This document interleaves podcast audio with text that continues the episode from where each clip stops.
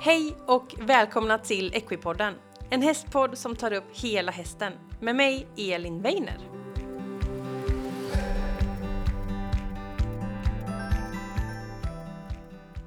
Onsdag igen och varmt välkommen till ett nytt avsnitt av Equipodden.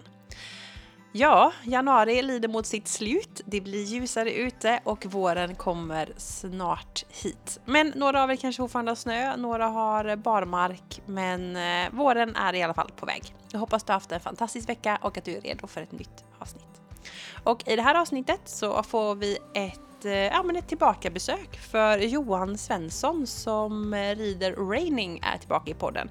Och vi har massor att prata om och det här avsnittet är kanske inte riktigt som alla andra avsnitt av Equipodden. Vi pratar såklart träning och eh, liksom hur man kan bli en bättre ryttare är väl egentligen grunden i det här avsnittet. Och eh, det som är så kul här det är att vi liksom lämnar lite det här klassiska med ja, men vad ska jag göra med mina fötter, mina händer, hur ska jag sitta och sådär och hamnar mer i känsla, sinnesstämning och det tycker jag är väldigt kul att prata om för det är ack så viktigt. Sen pratar vi också om hästvälfärd. Det är mycket diskussioner i ridsporten just nu och Johan delar med sig av sin syn lite kring hästvälfärd, hur vi kan vara mot varandra och med varandra för att göra det bästa för ridsporten. Och eh, det känns väldigt kul.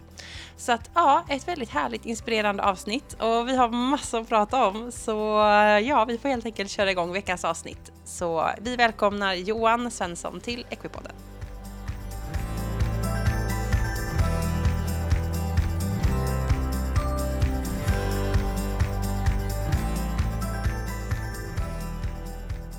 Då sitter jag med Johan Svensson. Hej Johan! Hej Elin! Hur är läget? Det är väldigt bra med mig. Hur är det med dig? Jo, men det är bra. Det är bra. Snön har typ snöat bort, eller vad heter det, regnat bort i Göteborg och det tycker jag känns ändå... Jag gillar snö, men just nu så känner vi, sa det förut här, att vi är lite trötta på vintern nu. ja, men verkligen. Man har fått nog. Vi, vi, vi hade en väldigt bra tödag igår och sen vaknade vi upp till ett vinterlandskap idag. Ja. Så det kändes sådär. Men, eh, det är bara att börja bra, om. Ja, en bra mm. dag att spela in podd. Ja, precis, precis. Då får man kanske klappa hästarna lite mer och mysa och, och sen så får man gräva lite och göra de tunga sakerna. Och så får man precis. tänka på varma dagar. Exakt. De Men så kul att du vill vara tillbaka i podden, för vi har ju pratat innan. Och eh, du, nu ska vi se här vart vi ska börja någonstans. Du håller på med västen Johan, vi får väl säga det först. Ja, raining. Exakt. Och vi gjorde ett avsnitt om just raining och lite så här vad det är och lite så introduktion och lite tankar kring liksom västenridning och eh, framförallt raining då. Och det avsnittet är nummer 134 och det gick ut den 12, nej den 7 december 22, så typ för ett år sedan då när man lyssnar på det här. Eh, så det kan man gå tillbaka och lyssna på för vi ska fortsätta lite in i västenspåret och också prata lite välfärd och sådär i dagens avsnitt är ju tanken, eller hur? Absolut, det är jätteroligt eh, och som sagt det var väldigt kul med det förra avsnittet vi gjorde för att det är många, speciellt inom rainingen, som, som använder det och tipsar folk om, som, som vill ha en liten förklaring och helhet om, om rainingsporten. Så Precis. det är mycket matnyttigt där.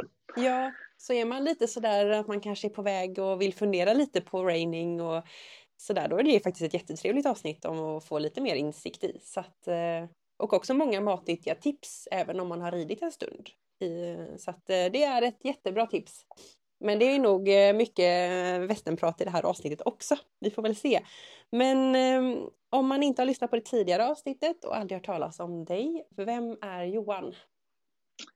Jag är en eh, hästnörd kan man väl säga, är väl titeln i, i, i, stora drag som eh, har hållit på med hästar i hela mitt liv och eh, eh fyra generationer bakåt. Eh, växte upp med inackorderingsstall och ridskola hemma på gården och sen eh, fastnade för västernridning väldigt tidigt i sex års mm. ålder. Och sen numera så har jag, så, så driver jag ett eget stall med utbildning av unghästar mm. främst och bara reininghästar. Mm. Mm. Det är väl det i korta drag. Ja, så mycket Men, träning och en del tävling också. Ja, precis. Vi tävlar mycket både i Sverige och Europa och jag tävlade i USA till och med förra året två gånger. Och, eh, sådär, så, så det, det är högt och lågt Ja. med det också. Men tävla i USA, det måste ju varit ett jätteprojekt. Ja, nu var det inte så att jag tog med en häst dit utan jag åkte över dit och, och, tävlade en häst som redan fanns där. Ah, Ja, det var ju lite smidigare. Ja, så, det, så, att, så att på så vis så var det ganska smidigt. Mm, mm, Ja, en väldigt, väldigt kul upplevelse. precis. Ja, och eh, om man bara ska göra någon liten kort recap, för inom västerngrenen finns ju jättemånga olika grenar och du håller på med raining och raining är kanske en av de större grenarna om jag har förstått det rätt.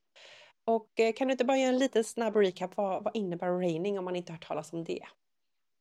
Ja, reiningen är ju västernridningens dressyr kan man säga, där man rider Mm. ett, ett mönster eller ett program Mm. eh, som är förutbestämt och eh, numera finns det inom Ridsportförbundet lättklasser där man, där man börjar väldigt likt dressyrens system, där det är lätt från början och så blir det svårare ju högre upp man kommer.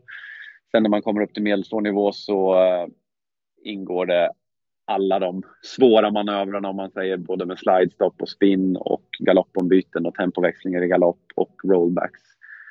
Um, och sen finns det ett gäng olika mönster där eh, de, de egentligen innehåller samma sak fast man, man kastar om det i ordning och, och sätt och utför det lite grann.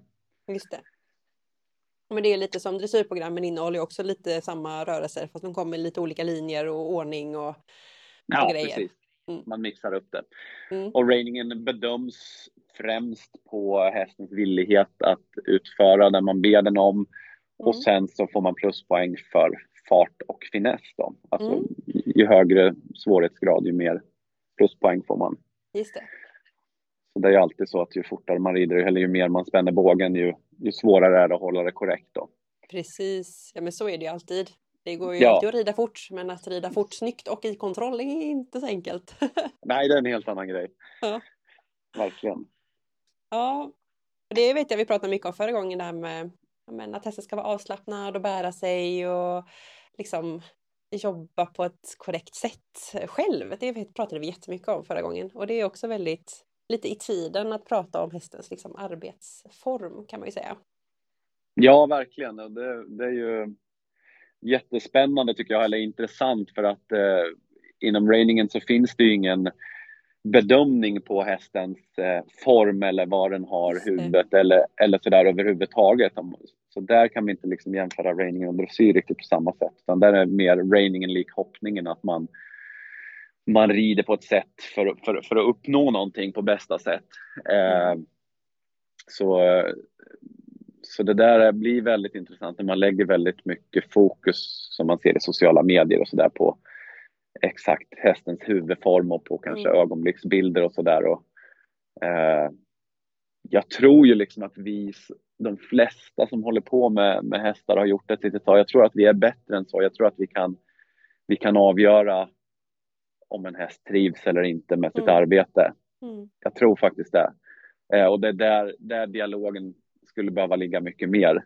Mm. Att, eh, att, att vi tar på oss den rollen, att, att, att vi faktiskt kan se det eller förstå om en häst gör sitt arbete villigt och på ett positivt sätt eller om den är stressad och kuvad eller, eller någonting sånt. Precis. Eh, det är betydligt viktigare än, än vad den har huvudet. Ja, verkligen. Och det är ju inte bara ett huvud, det är ju en hel kropp som ska med. Ja, men verkligen.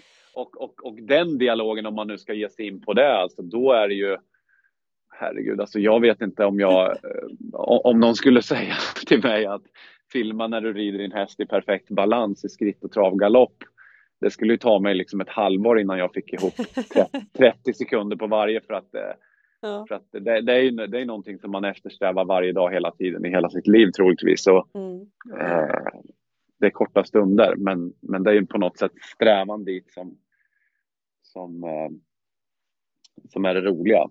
Precis. Så- Precis. Där- Detaljerna där ska man- som gör det liksom. Ja, men precis. Men, men eh, perfektion är ju liksom var, eh, unikt för varje häst måste det ju Mm. vara. Mm. Eh, och varje tillfälle på något sätt. Eh, Mm. så, och det försöker vi all, alltid uppnå. Men som sagt, grunden i det är ju att hästen är avslappnad och att den, den, är, den är villig eh, och, Mm. Och gör det på ett positivt sätt. Sen Mm.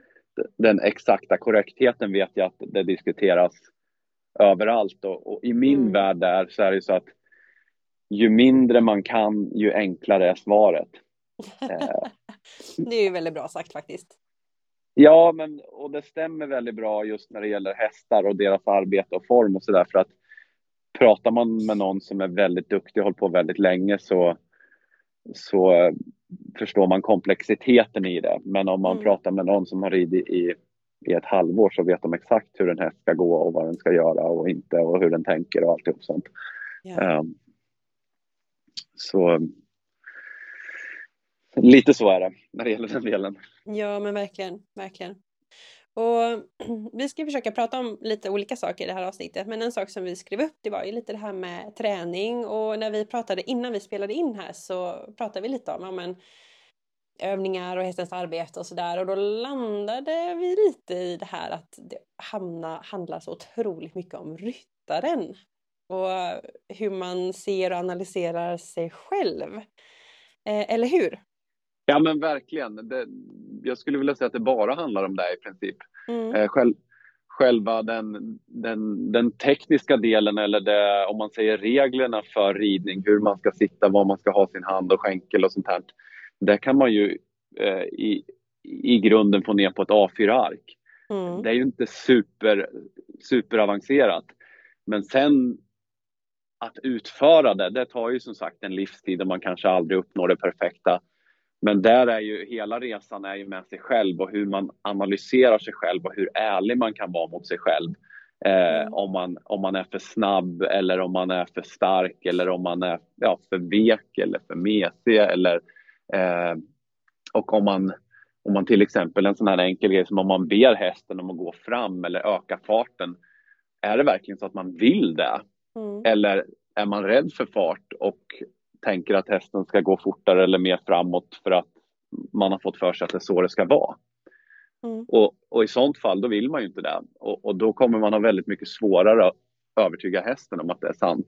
Mm. Eh, så, så där tycker jag man måste bottna liksom, eh, i sin ridning överhuvudtaget. Att, att där man försöker kommunicera till hästen vad det nu än är, det måste man vilja och tro på själv och Mm. förstå. A- Annars är det bättre att göra någonting enklare eh, som man vill och förstår. Mm. Eh, och, och just den här eh, sociala mediebilden och, och, och allting, att allt ska vara så perfekt och, och sådär. Att, att eh, folk vågar knappt lägga ut ett klipp när de rider längre överhuvudtaget för det finns så många Mm. som, som ska tycka något negativt om det. Men eh, det är ju individbaserat och eh, beroende på både häst och ryttares förutsättningar och kunskap eh, så kanske de gör ett jättebra jobb.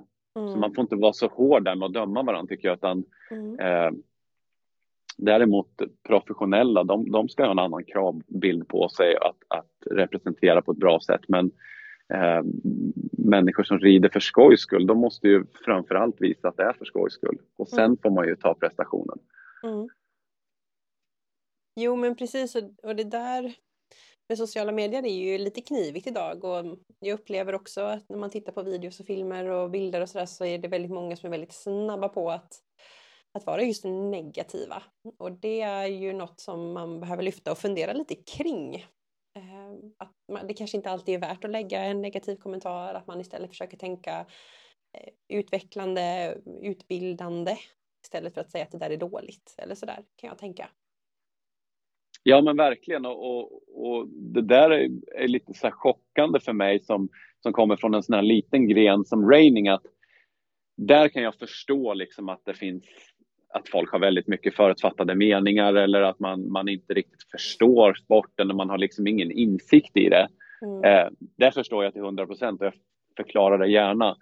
Eh, men sen när man upplever att det är precis samma sak kanske mellan hopp och dressyrryttare, speciellt på lägre nivå, att det finns liksom en, en nästan som en grenrasism även där och Mm. att man dömer Mm. varandra på olika sätt. Då tänker man sig, men, men Mm. herregud, varför är det så? Mm. Eh, eh, och eh, det känns väldigt konstigt och någonstans i grund och botten så, Så alla som håller på med hästar skulle jag vilja säga, om man inte har någon riktig rubbning, gör ju det för att man älskar hästar och man vill Mm, deras precis. bästa. Och Jajamän. där är ju liksom hästvärldens gemensamma nämnare och där borde vi lägga mer fokus på.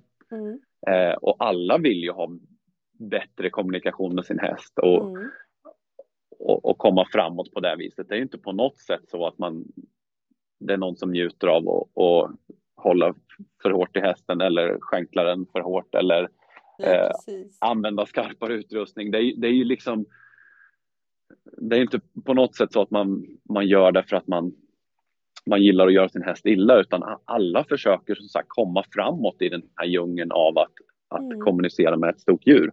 Mm, Och det, där är ju det gemensamma, där måste vi liksom på något sätt hålla om varann för att det är inte en självklarhet för, för människor som inte håller på med hästar mm, eller djur överhuvudtaget. Ehm, Men för oss är det ju det, precis. tycker jag, all, alla som håller på med hästar. Ja, precis. Och det är ju stora djur och mm, pratar ju på ett helt annat sätt än vad vi människor gör. Alltså människa mellan människa jämfört med häst mellan häst och sådär. Eh, så där finns det mycket att fundera, lära sig kring och, ja, och försöka stötta varandra lite tror jag är viktigt, precis som du sa Johan. Att, och Ja. att jobba med sin kommunikation och att, att fundera på varför behöver jag den här typen av utrustning eller varför behöver jag rida på det här sättet och, och så. Ja, men precis. Som, som jag sa till dig när vi pratade tidigare, att när, när man träffar nya människor och elever och sånt där, och, och de flesta människor är väldigt eh, glada i att beskriva hur deras häst är Ja, och fungerar och, och har för egenskaper. Men i själva verket så beskriver man ju sig själv. Mm. Så jag hör aldrig ordet häst eller min, min häst är snäll och den gör si och den gör så, utan det är liksom bara en människa som beskriver hur den är, fast via sin häst då.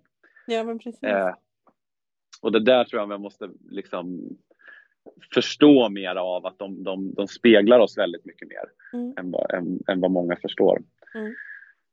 Så, eh, så just det här med att vara medveten om hur man själv är, om man är stressad eller, eller frusen eller, eller vad man nu än är, Mm. så, så kommer det att påverka otroligt mycket mer än vilken typ av bett man väljer eller vilken typ av sporre man använder eller vilken typ av övning man rider. Mm. Ja. Precis. Det är en större grej liksom. Just det. Och där är det väl kanske lite det här med sinnesställning. Ehm, jag såg, eh, det var någon ridskola som la ut en jättebra video på um, härom veckan med en ryttare som var väldigt stressad och gör allting ryckigt och snabbt och hästen blir väldigt spänd medan någon annan ryttare var liksom lugn och medveten och det var en väldigt härlig lugn stund den ryttaren hade med sin häst. Um, så det kan ju vara bra men det kan också vara väldigt svårt när man har varit och jobbat en hel dag, det regnar ute och det är något problem, bilen gick sönder eller vad som helst och så kommer man till stallet och ska göra sitt. Vad har du för tips för att liksom landa i sin sinnesställning eller tänka på att, att vara lite mer här och nu? Jag tycker alltid, just att vara här och nu är ju, det är ju det hästarna ger oss. Det är deras Mm. gåva till oss att säga. Att vi, det är därför jag tror att det finns en sån dragningskraft. Mm. För att de är alltid här och nu. Sen vill, vill vi kanske inte alltid tro det, men det är de. Mm. Eh, men, men just som du beskriver, om man har en dålig dag i övrigt eh, på alla tänkbara vis med väder och, och, och barn eller vad det nu än vara måndag eller en dålig dag på jobbet. Då måste man verkligen liksom ta med sig att det har varit så till hästen och sen så kanske försöka göra någonting väldigt enkelt och väldigt positivt. Jag, jag har dagar som jag inte rider utan då kanske jag släpper dem lösa i ridhuset eller eh, Mm. provar någonting nytt, de får hoppa över ett hinder eller precis vad som helst bara för att idag blir det inte prestation utan idag blir det lek. Vi gör någonting enkelt Mm. eh, tillsammans som är positivt. Eh, för, att, för att man helt enkelt inte är där själv. Mm. Eh, och jag tror verkligen att om man, om, om man har en egen häst eller om man rider eh, varje dag eller tar hand om den varje dag, då, då är det så otroligt många dagar på ett år så att, eh, att försöka tänka lite mer kvalitet istället för kvantitet tror jag är jättebra.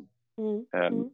Med det sagt så ska man ju, så tror jag på att man umgås mycket med sin häst och gör mycket olika saker med den. Men, men man kanske inte alltid behöver eh, träna stenhårt på, på en prestationsinriktad eh, övning eller någonting sånt där. För att, för att det är inte alltid läge för det.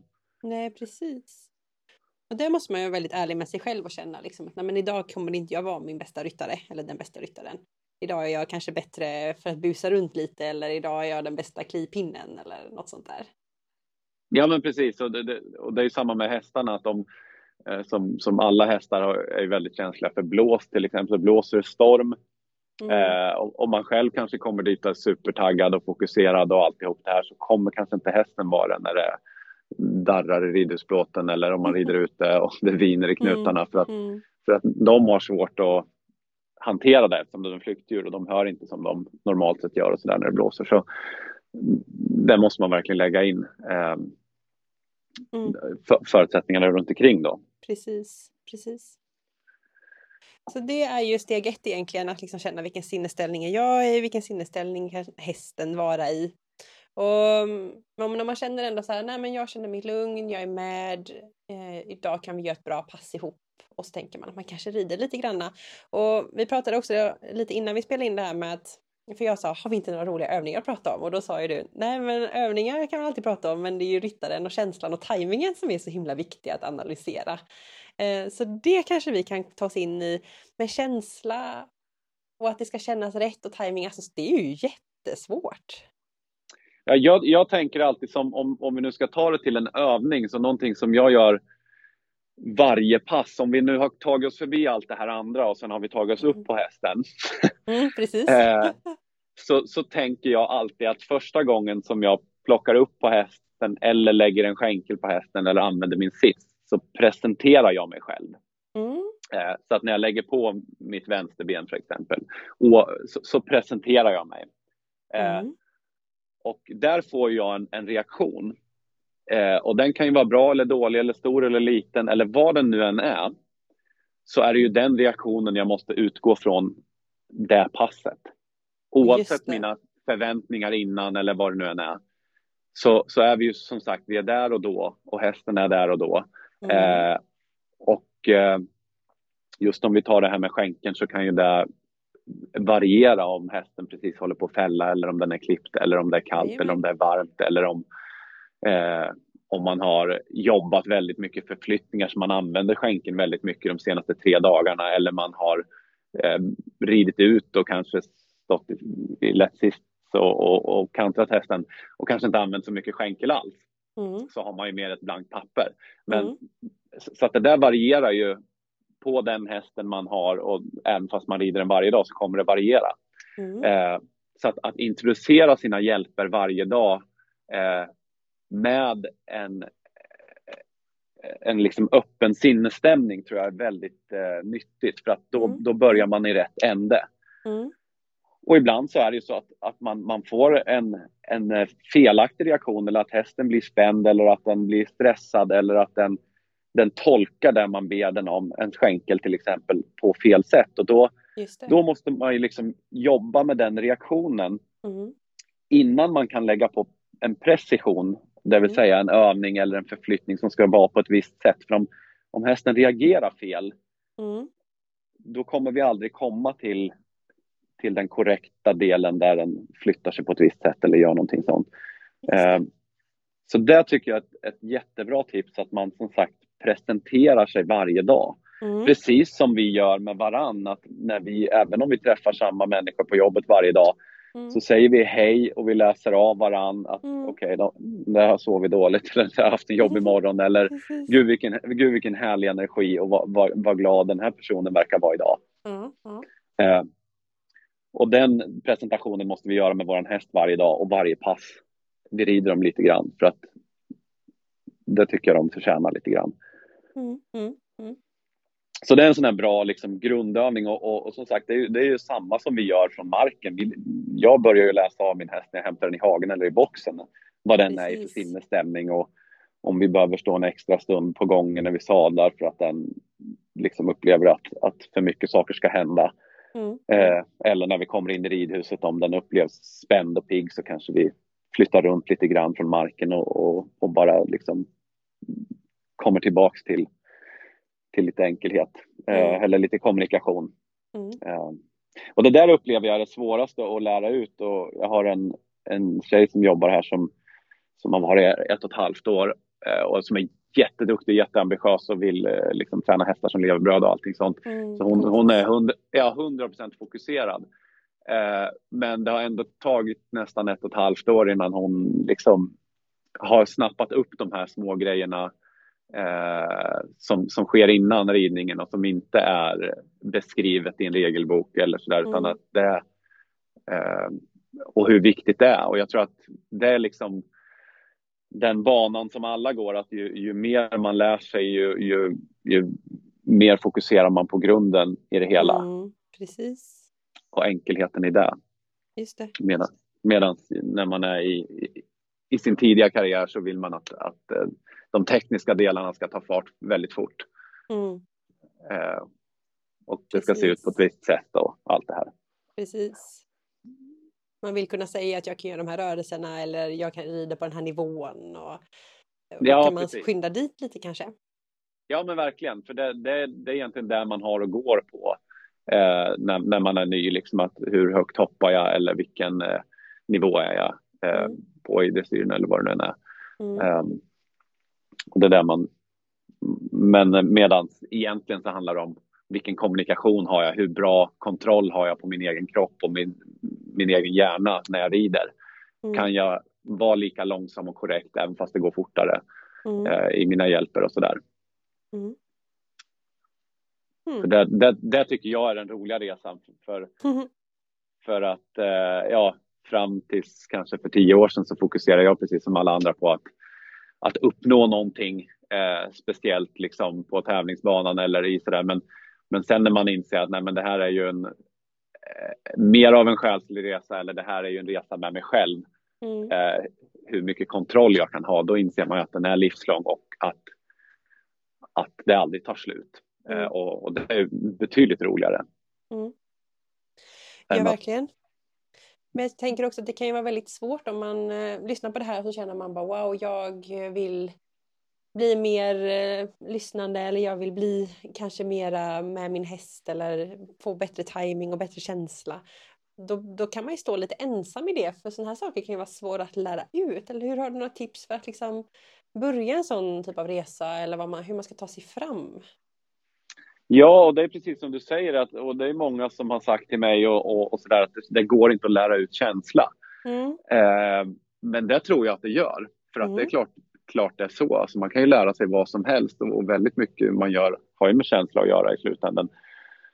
Eh, så att där, där är ju det bästa tipset återigen att göra enkla saker många gånger. För att om man mm. gör någonting som är väldigt lätt, eh, mm. Till exempel eh, från marken flytta hästens bakdel lite grann. Mm. Eh, repeterar man det bara tio gånger på en häst eller man aldrig har gjort det förut själv heller. Dels så kommer hästen förstå vad man vill och då måste man också eh, då, då lär man sig också att vara snabbare i eftergiften och, ha en bättre timing för att det är ju när hästen tänker att den ska flytta på bakdelen när den gör det, det är då mm. trycket ska försvinna. Mm. Eh, första gången så kanske det tar lite längre tid och sen så går det snabbare och snabbare och precis så är det ju med med allting man gör, även från ryggen, att, att eh, ju, ju, ju högre nivå man kommer, ju snabbare kommer eftergift och ju mindre tryck vill man ju använda, mm. ju mindre signal. Mm. Eh, och oftast där man, där man hamnar i det här frustrationen eller man, man liksom inte kan, som du säger, man har svårt att förstå vilken ände ska jag börja med det här, därför att man, man har en ram och en förväntning att okej, okay, vi är på den här nivån och vi gör det här. Mm. Eh, och utifrån det ska man då få en bättre kommunikation. så här, men i själva verket kanske man behöver backa bak ganska långt och få en bättre kommunikation.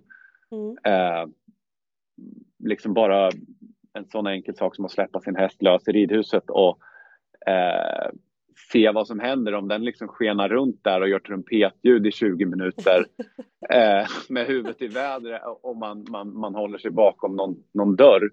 Eh, då vet man lite grann var man börjar.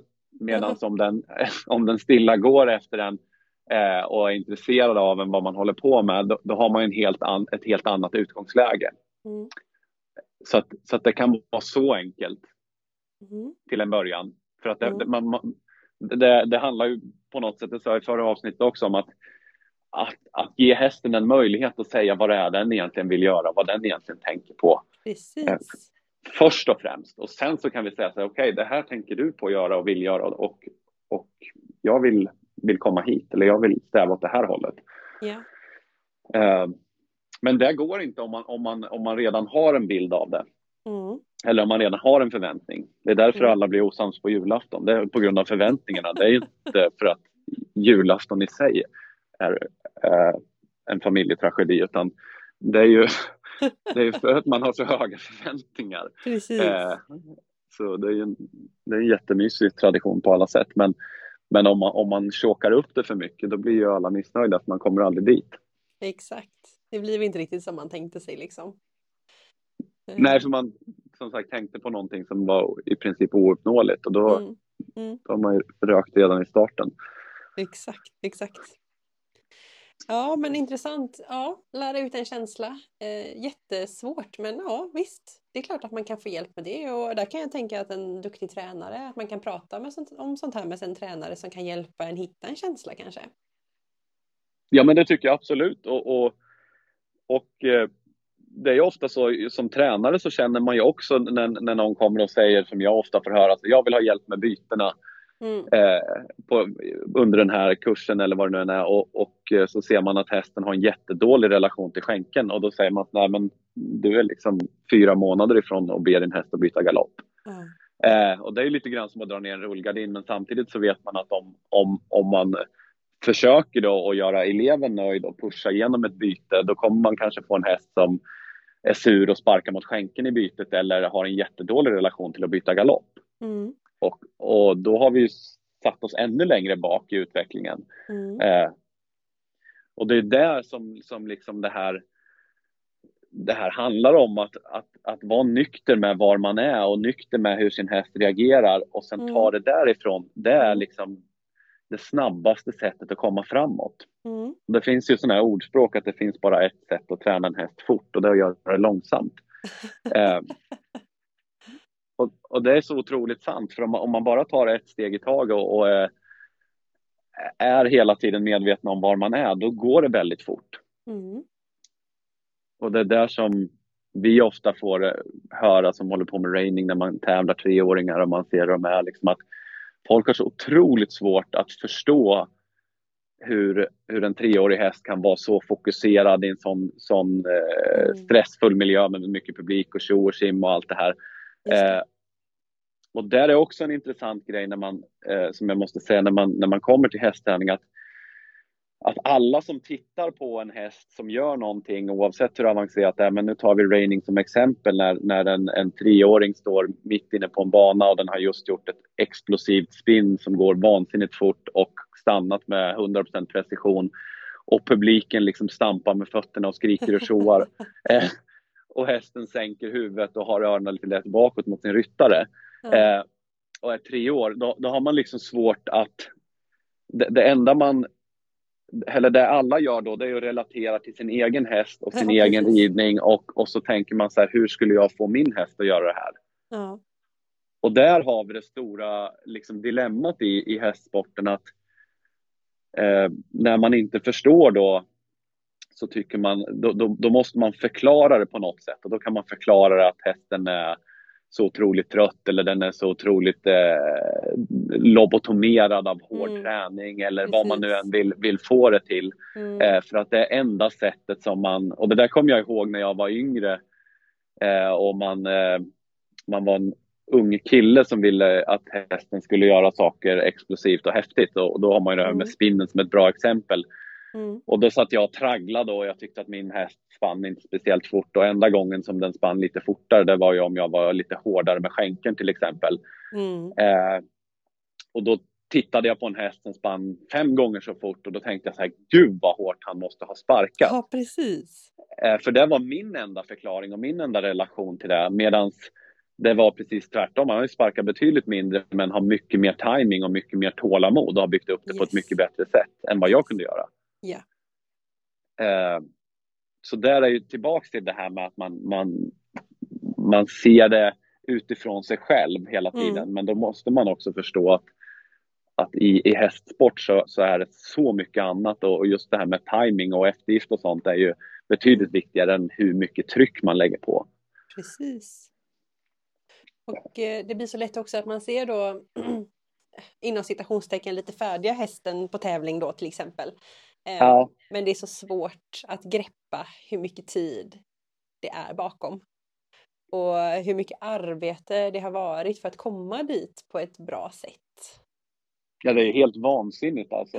Eh, jag har i alla fall spenderat eh, nästan 25 år med mm. att försöka förstå hur man, hur man tränar en häst. Och kan inte säga att jag fortfarande gör det, men, men, men, men jag har ändå gjort det och det är fortfarande en resa. Så att om man då liksom känner sig lite frustrerad och har svårt att och sy ihop det i sitt eget huvud så, så är det fullkomligt naturligt. Det gör alla liksom. Mm. Så, så är det verkligen. Och jag ser fortfarande idag när jag tittar på, på raining som är min, min grej och som jag har vikt mitt liv åt att om någon gör någonting så, så, så blir jag otroligt liksom intresserad och tänker så här, hur har han fått till det här och varför gör hästen så här? Och ja, jag vill verkligen bara dissekera det och djupdyka i det och det är inte på något sätt så att jag förutsätter att det, det, är gjort på det ena eller andra sättet. Utan det är liksom så här, det där var otroligt häftigt. Mm. Det vill jag veta mer om. Um, och det är så man måste närma sig saker man inte förstår, tror jag. Det är bättre än att vara fördömande och, Precis. och sådär. Jag tänkte precis att jag skulle pinpointa det du sa därför du sa att jag förutsätter inte att det är gjort på ett eller annat sätt utan man bara öppet går in i det och um, jag är ju naturvetare och jag tycker om kemi och sådär. Man gör ju mycket liksom experiment och då går man ju in i bara så här, okej, okay, vad tusan hände här? Och så försöker man räkna ut vad som har hänt istället för att, ja men det sker så här. Att man är lite öppensinnig i det och, och inte direkt tänker ja, olika, alltså så här, negativa tankar eller dömande tankar eller, eller höjer upp något, för det kan ju vara något som faktiskt inte är gjort på ett bra sätt och man tänker men bara för att det här är den bästa ryttaren i det här skrået så är det bra gjort. Utan att man tänker liksom, tar in alla intryck och funderar själv på hur kan det här se ut på det sättet? Eller hur kan hästarna kommit hit på den tiden och sådär. Ja men verkligen och det, och det är ju precis som du säger att att det är väldigt lätt att liksom göra någon till en hjälte eller till en skurk. Men mm. oftast så är det ju någonstans däremellan vi alla är. För att Precis. det är ingen som har en gloria på huvudet och det är heller ingen som, som, som bara är, är dum och elak utan vi, vi alla har en strävan som människor och vi felar och vi gör rätt. Mm. Eh, och det är otroligt mänskligt liksom och så måste det även vara i, i, när det gäller hästar att vi har inte alltid rätt och ibland blandar vi in känslor när vi inte borde göra det och så vidare. Mm. Eh, men just nyfikenhet är ju superspännande och som, eh, som du beskriver om man är naturvetare och sådär så, så är det ju där det handlar om att man ska liksom dissekera ett problem och, eh, eller, mm. eller någonting som händer och sen ta reda på hur det har uppkommit. Då. Det tycker jag är det roliga med, med hästsport. Och ju, ju mer man lär sig, ju mer förstår man hur komplext det är. Yes. Ja men eller hur och som du sa förut där, desto mer man lär sig desto svårare är det eh, att få ihop det här att rida. ja men inte verkligen. Så enkelt. Och då kommer vi in lite grann, för vi pratade också lite innan det här avsnittet med det här med hästvälfärd som pratas väldigt mycket om just nu i samhället och eh, det är ju, det har kommit en hel del tråkiga reportage eh, både från Sverige och utomlands.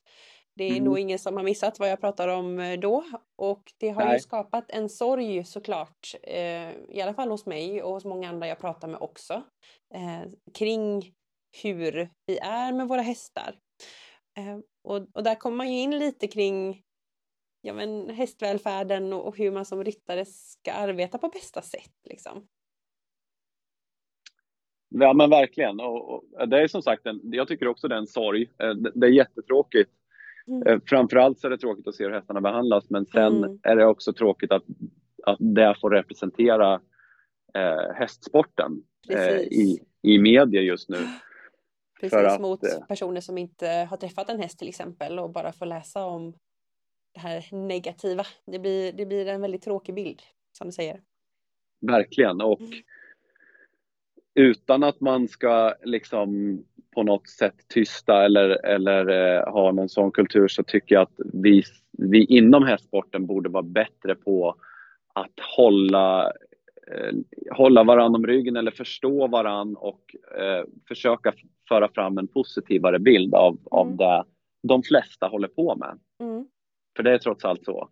Eh, det, det, det, finns, kommer alltid finnas och har väl alltid funnits avarter åt alla håll ja. i vad man än... Eh, så att, att, att, lägga allt fokus där, det är lite felriktat. Eh, men, sen, men sen tycker jag också att med sociala medier och, och hur, hur, hur liksom informationsflödet är idag så, så har vi tappat mycket grundkunskap om mm. häst. Mm. Eh, som, som gör det ännu mer förvirrande och eh, alla har rätt till en åsikt. Absolut, men, mm. men det blir också ibland stora drev där, där, liksom, där, där det blir väldigt tråkig stämning och väldigt mm. fördömande och allting sånt. Um, och eh, sen så tycker jag ibland att vi som, som professionella, för det måste jag ändå säga, eller det är ju, jag har alltid upplevt att det är, det är, två, det är två olika världar inom, inom häst, hästeriet. Ja. Och det, det, är de, de professionella eh, som jobbar med det och allting sånt som har på något sätt ett, ett system. Eh, och sen så är det den, den större massan som, som har det som hobby och sådär som, som drivs mycket av eh, köphets och mm. olika produkter och olika mm. ursäkter och massor med olika saker som, som kanske inte alltid har med hästen att göra och mm. dess välbefinnande utan det, det är massor med andra eh, grejer som kommer in och det där har ju förändrats otroligt mycket. Eh, men där är det viktigt då liksom att på något sätt hålla sig till det enkla och mm. eh, gå till sig själv först och sina, sina närmaste och, och, och jobba med en, med en positiv kultur tycker jag i, inom hästsporten överhuvudtaget. Att, att sluta klanka ner på varandra och, och försöka istället vara positiv och hjälpsam. Eh, jag vet mm. att jag drog, drog ett exempel med att till exempel lasta en häst när man, man har varit på en veterinärklinik någon gång mm. en dag man har väntat så är det alltid någon stackare som, som har problem att lasta sin häst och, och efter ett par timmar så, så tappar de här människorna tålamodet och mm. då blir det kanske tråkig hästhantering. Mm. Eh, och det, det, är för att de känner pressen på sig att de, de ska göra någonting och de tycker det är pinsamt precis yeah. som en mamma gör, gör, på ICA när, när, när sitt barn skriker. Mm. Eh, och där måste man liksom vara bättre som medmänniska eller medhästmänniska att, att på ett ödmjukt sätt eh, hjälpa varann istället för att eh, fördöma bara och säga att mm. den har gjort fel eller den hästen är inte tillräckligt väluppfostrad eller vad det nu är. Mm. Mm.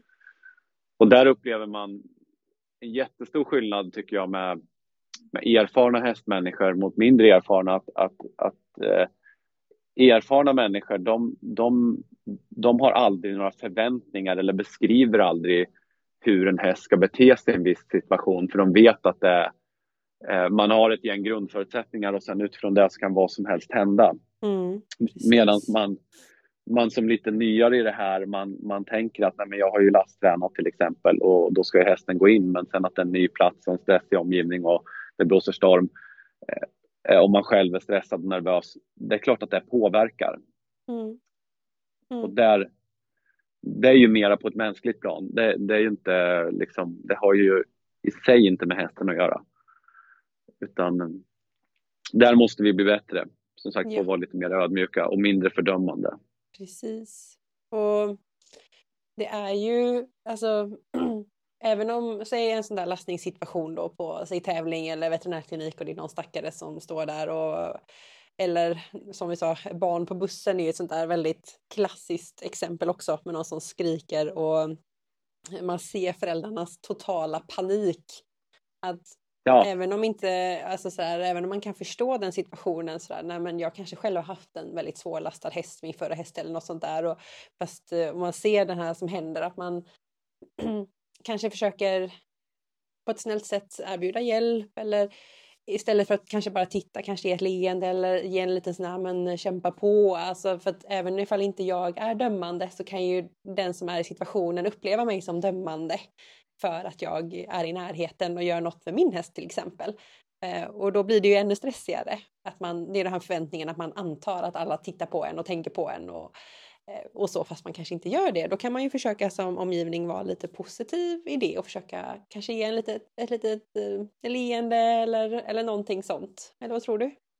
Ja men verkligen och där säger du liksom det, det mänskliga på något sätt att, mm. eh, att om, om man kan ge varandra lite positivt, ett, ett leende eller en positiv kommentar med lite mm. humor eller någonting sånt så att man lättar upp stämningen att det är liksom inte mm. en strid om döden det här utan det är bara så att en häst som kanske inte riktigt vill gå in för stunden. Mm. Eh, eller ett barn som skriker på bussen. Det är inte värre liksom. Mm. Utan eh, man vet ju att det är värst för den stackars människan som, som, som sitter där med barnet på bussen eller som håller den där hästen och inte riktigt får till det som den önskar. Eh, och, och, det är ju precis samma man ser i ridning ganska ofta och speciellt på tävlingar när man, när man har suttit och tränat hemma i sitt lugn och sen så kommer man ut på mm. tävling och allting ändras. Mm. Och man är egentligen där för att visa upp hur fantastiskt duktig man har blivit med sin häst men sen så är det inte alls så det utspelar sig och då kommer det massor med frustration.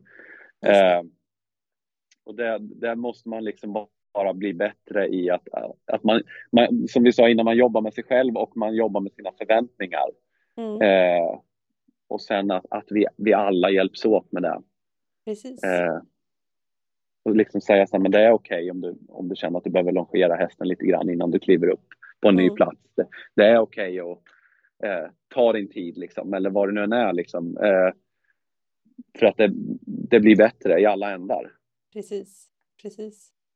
Nej men just att skilja lite på kanske situation och omgivning och tänka liksom att, att det är yttre faktorer som påverkar och att de kan inte göra så mycket åt. Då är det ingen idé att kanske stressa upp mig över dem utan vara mer i situationen och försöka göra det bästa jag kan. Och ta en paus om jag blir frustrerad när hästen inte går på släpet för det är inte, det är inte roligt alltså. Det kan vara jättejobbigt. Usch. ja men verkligen. Men och sen också se till sig själv så här att man om, om man tycker som många gör liksom att det är lite obehagligt att gå in i, i en transport med en häst och det är trångt och man ska under mm. bommen och det ena med det tredje så här. Mm. Om, man, om man har den närvaron och känner den stämningen i kring så kanske man kan säga så här, så du jag blir så jäkla nervös av det här, har du lust att hjälpa mig och gå på med min häst? Eh, så stäng, stänger jag bakom, eller vad som helst. Eller bara, bara erkänna för sig själv att jäklar vad jag stressar upp mig nu. Mm. Eh, finns det någon vänlig själ här som kan lägga en lugn hand på min häst så kommer mm. det här gå bättre. Precis. Och det är, det är inget misslyckande, det är ju en, en seger för då har man ju eh, vunnit den största striden och det är ju liksom med sig själv att, att ha självinsikt och det är det viktigaste av allt. Ja, så bra sagt. Att det är en vinst att känna att den här situationen är inte för mig. Exakt. Det, mm. det, är liksom nummer ett, att det här behärskar jag inte. Eller mm. kunna säga till sin tränare eh, som säger nu kan du fatta galopp. Alltså, nej, men jag travar gärna en liten stund till för mm. att hästen känns lite spänd, eller jag är lite spänd. Mm. Eh, och det är liksom, ja, det är som sagt nummer ett i, i alltihop tror jag, att det är den största segern. Kan man, kan man hamna där så, så är det jättebra. Precis. Och alltså, allt när vi, handl- när vi jobbar med hästarna, och det vi pratat lite om innan också, och, och den här lastningssituationen, eh, att att man vill att det ska se så perfekt ut direkt, att det ska gå så fort hela tiden. Och när det inte riktigt går så fort och det blir frustrationen, då kanske man tar till liksom, ja, andra hjälpmedel då för att bara lyckas i situationen. Att, att stanna lite upp i och verkligen förbereda och tänka på de olika stegen och träna hästen lite långsammare kanske också kan vara något att fundera på. Ja, men verkligen. Och, um, träning är en del just, just när det gäller lastning, det är ganska intressant för att, eh, för att där, eh, där kan man skämta ibland eh, om att de som tränar mest på det har svårast att lasta sina hästar. För att, eh, och det är faktiskt sant på sitt sätt för att ofta så tränar man sig själv mer än hästen då för att mm. man tycker att det är en jobbig situation. Just det. Eh, och om man då har en jätteanspänning till en hästtransport och det här trånga utrymmet i kombination med sin häst, vilket, vilket jag förstår, alltså det är 100 procent ja. den människa som, som inte upplever ett obehag att komma in med en stor häst i, mm. i en mm. hästtransport och, och, och det är lite stressig stämning. Den är ju något fel på åt andra hållet, då har man ju väldigt lite konsekvenstänk om man säger. Ja, precis. Eh, så att det, det mest naturliga är ju att uppleva ett obehag. Ja. Sen kan man med erfarenhet och tid och träning komma till insikten med att om jag är lugn och trygg så, så minskar risken för en Mm. olycka och, Mm. och att man kontrollerar situationen på det sättet. Men det är ungefär som om någon skulle liksom ge över spakarna när man sitter i en helikopter och säga nu får du flyga. Här. Ja, precis. Om man aldrig har flugit en helikopter så, så blir det förmodligen inte så bra. Men, men om man hade lyckats balansera sig själv där och, och bara, bara göra det lugnt så kanske man hade klarat av det en stund. Mm. Eh, så det handlar ju hela tiden liksom om att bara eh, ta kontroll över sig själv först och främst, men också Mm. förstå att det är naturligt att man tycker att det är obehagligt. Ja. Och både häst och, och människa. För Ja. jag, jag åker väldigt mycket med väldigt många unga hästar och jag lasttränar aldrig. Mm. Eh, men däremot varje gång som en häst ska gå på, oavsett om jag har åkt med den över hela jorden eller om det är första gången, så har jag absolut inga förutfattade meningar om att det ska gå fort eller, eller Mm. inte eller någonting, utan det är, Mm. vi är där och då och vi tar det därifrån. Just det. Eh, och det är jag helt fine med och, och oftast så går det bra och fort på grund av att man har den inställningen. Precis. Eh, så man bygger liksom inte upp någonting. Då är man ju tillbaka lite på det vi sa i början där med att man sätter lite attribut på hästen. Så här, hästen är så här och så här. Och om jag förutsätter att hästen är lättlastad eller jag förutsätter att hästen är jättesvårlastad. Då blir det ju på något sätt att jag utgår från att det blir så.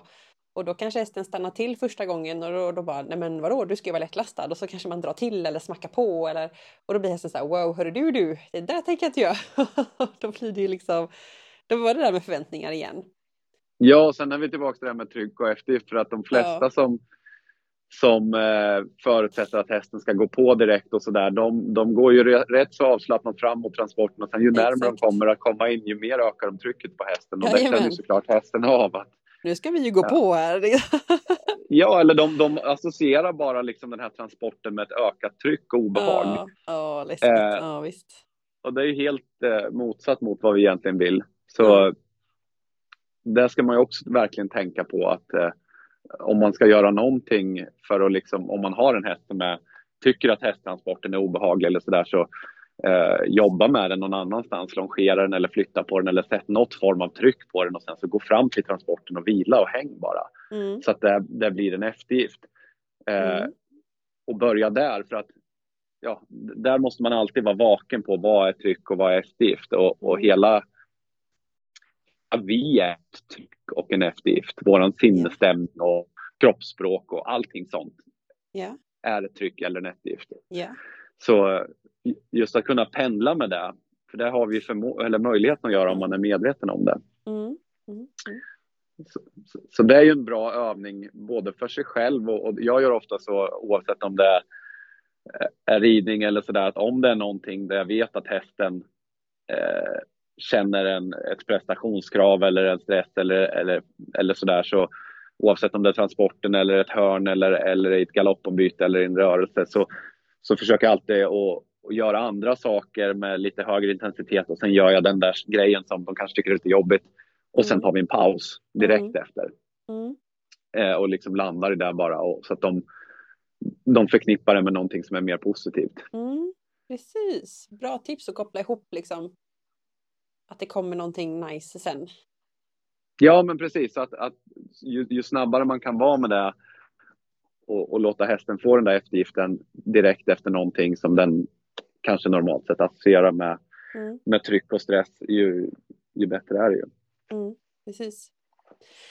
Ja, och vi har pratat på en bra stund nu och jag tänkte jag skulle liksom gå in på en sak till. Eh, för vi pratade lite förut och vi sa ju det att Eh, vi vill alltid älska vår häst eh, och eh, man vill ge all, man vill sin häst sitt bästa.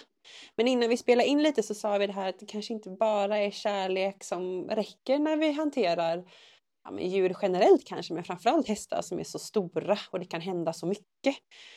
Kan du inte resonera lite kring det?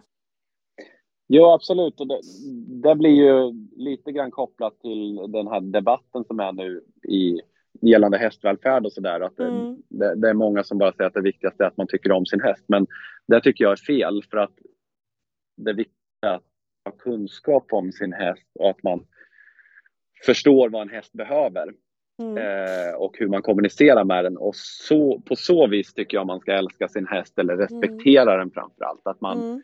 man, man söker kunskap om det. Mm. Eh, och eh,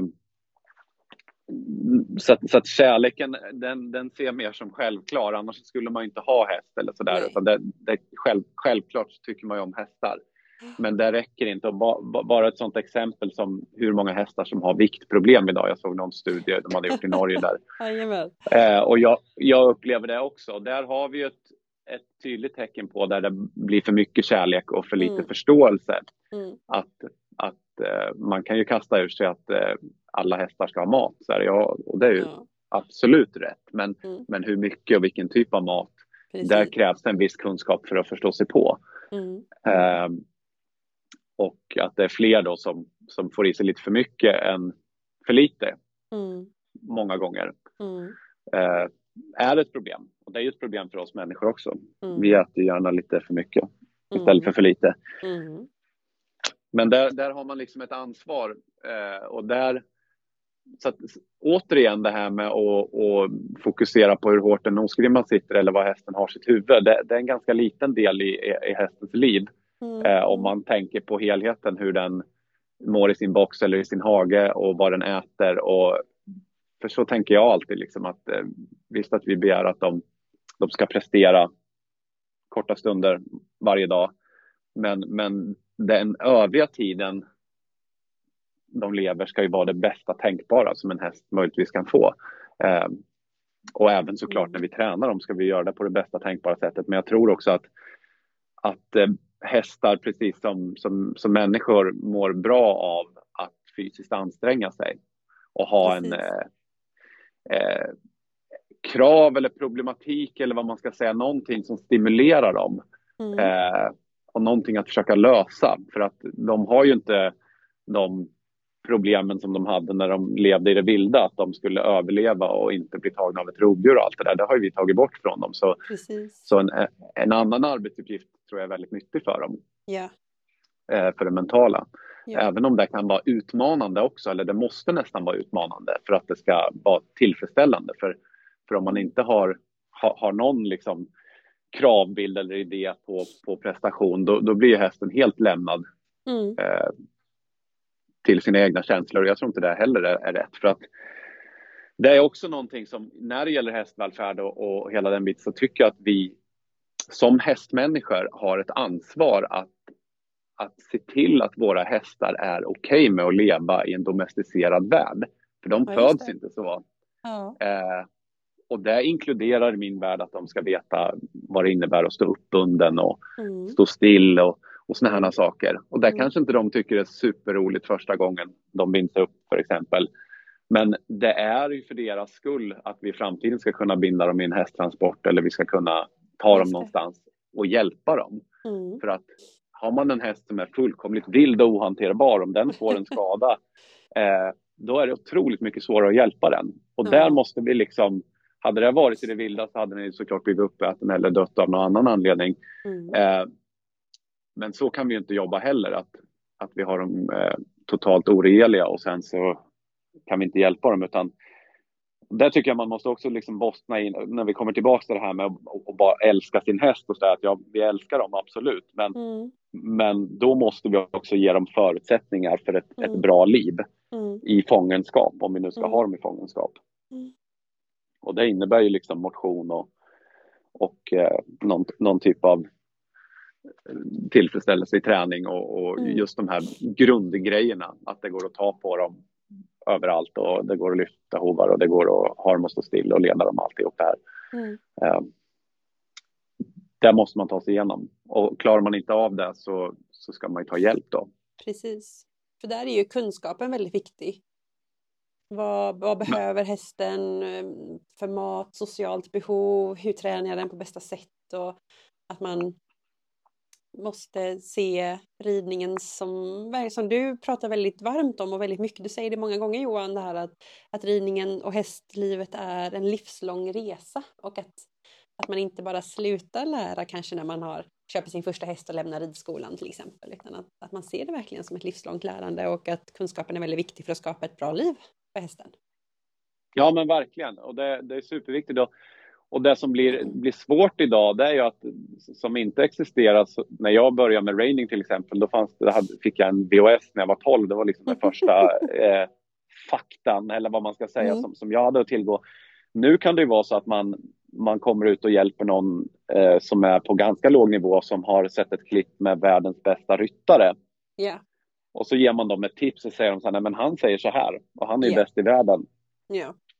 Och eh, det, det, är också ett problem för att det, det, är väldigt stor skillnad ofta på de som är bäst i världen och, på, och, och just de vet ju inte om nivån som, som eleverna är på i fråga eller, eller någon är utan de ger ju bara ut hur de gör och med deras fantastiska timing och häst och alltihop det här. Mm. Mm. Så där kan man liksom inte alltid gå på liksom att bara för att den som var bäst sa det så är det rätt utan Exakt. man kanske behöver ett helt annat tips. Precis, man måste ju omsätta det till, till sin situation och sin häst och, och inte bara köra på men så här gör den eller den rider på det bettet eller den har en sån padd eller den gör den här övningen och den kanske inte alls passar min häst. Den kanske stressar min häst jättemycket. Ja men verkligen. Man måste förstå det på ett djupare sätt på något sätt mm. för att mm. kunna ta till sig det. Mm. Ja, jätteintressant. Många bra liksom grejer i det här avsnittet känner jag när vi pratat i en timme. Tiden går ja. alltid så fort. ja men verkligen.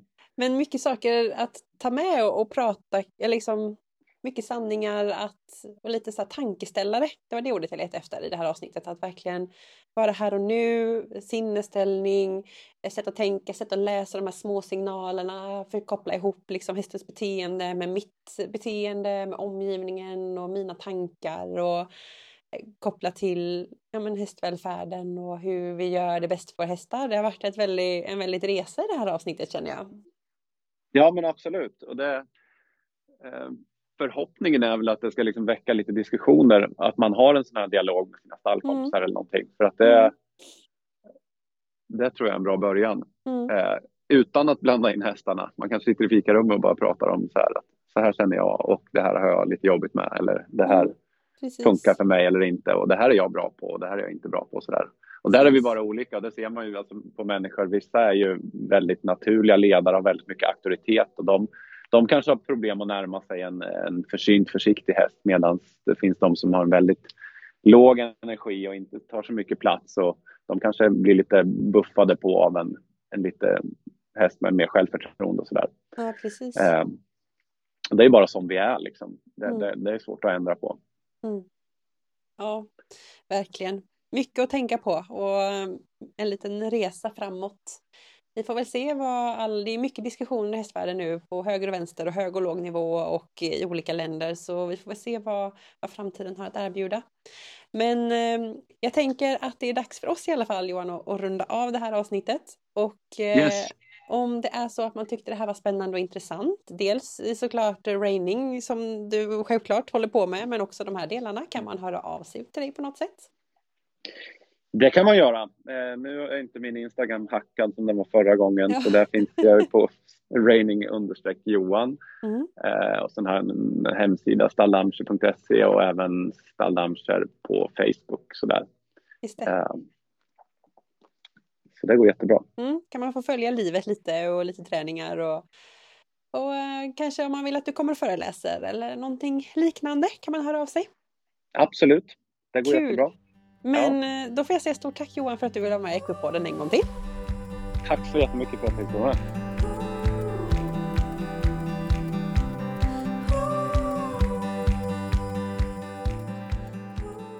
Ja, ett superbra avsnitt och många tankeställare i det här avsnittet. Det har fått mig att tänka mycket i veckan och eh, ja, men jag tycker det är bra saker att tänka på. Så jag hoppas också att du känner att du har fått med dig något ur det här avsnittet.